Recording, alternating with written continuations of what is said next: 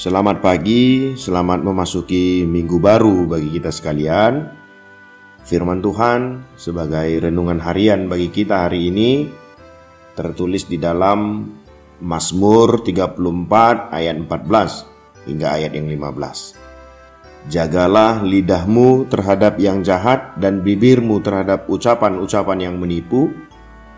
Jauhilah yang jahat dan lakukanlah yang baik Carilah perdamaian dan berusahalah mendapatkannya. Siapakah orang yang menyukai hidup yang mengingini umur panjang untuk menikmati yang baik? Ayat 13 seperti pemazmur yang menanyakan ini. Saya juga ingin bertanya kepada kita semua dan sudah pasti jawabannya ya semua orang mau. Mana ada orang yang tidak mau hidup dengan umur panjang untuk menikmati yang baik?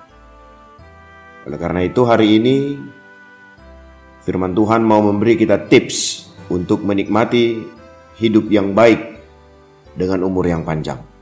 Yang pertama, jagalah lidah terhadap yang jahat dan bibirmu terhadap ucapan-ucapan yang menipu.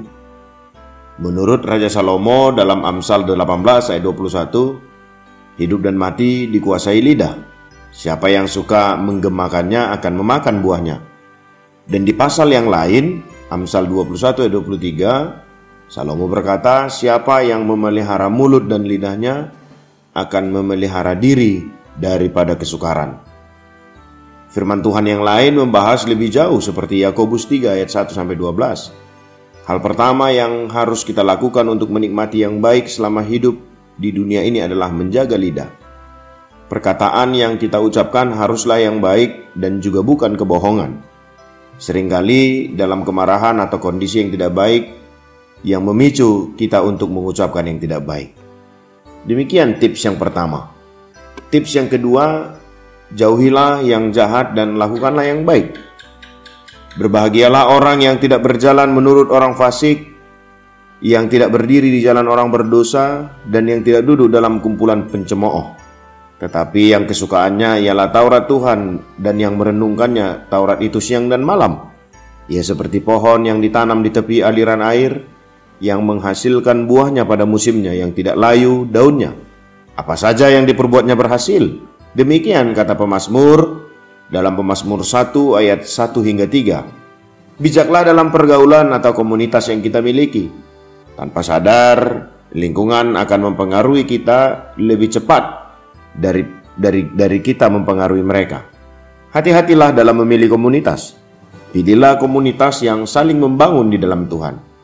Demikian tips yang kedua, jauhilah yang jahat dan lakukanlah yang baik. Tips yang ketiga, carilah perdamaian dan berusahalah mendapatkannya.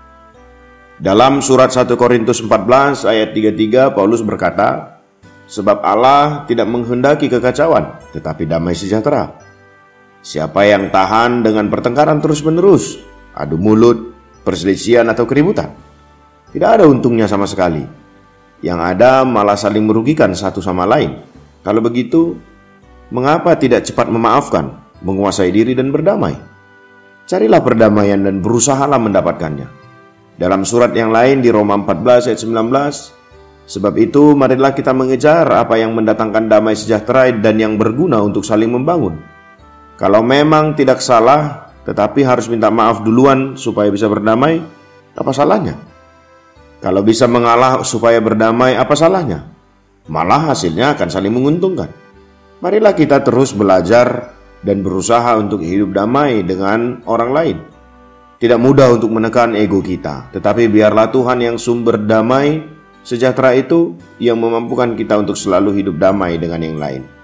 Jika kita menginginkan umur yang panjang dan menikmati yang baik, maka lakukanlah tips di atas. Niscaya akan berhasil, sebab Tuhan senantiasa menyertai kita. Kembalilah kepada firman Allah, Tuhan memberkati.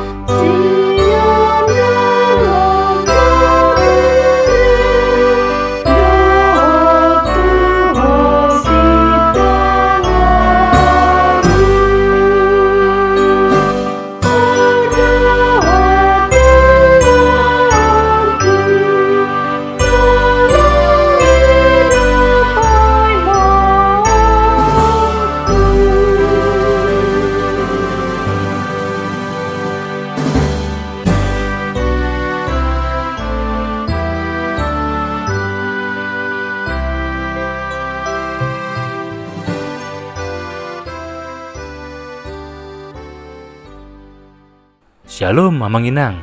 Terima kasih sudah mengawali hari dengan mendengarkan renungan hari ini.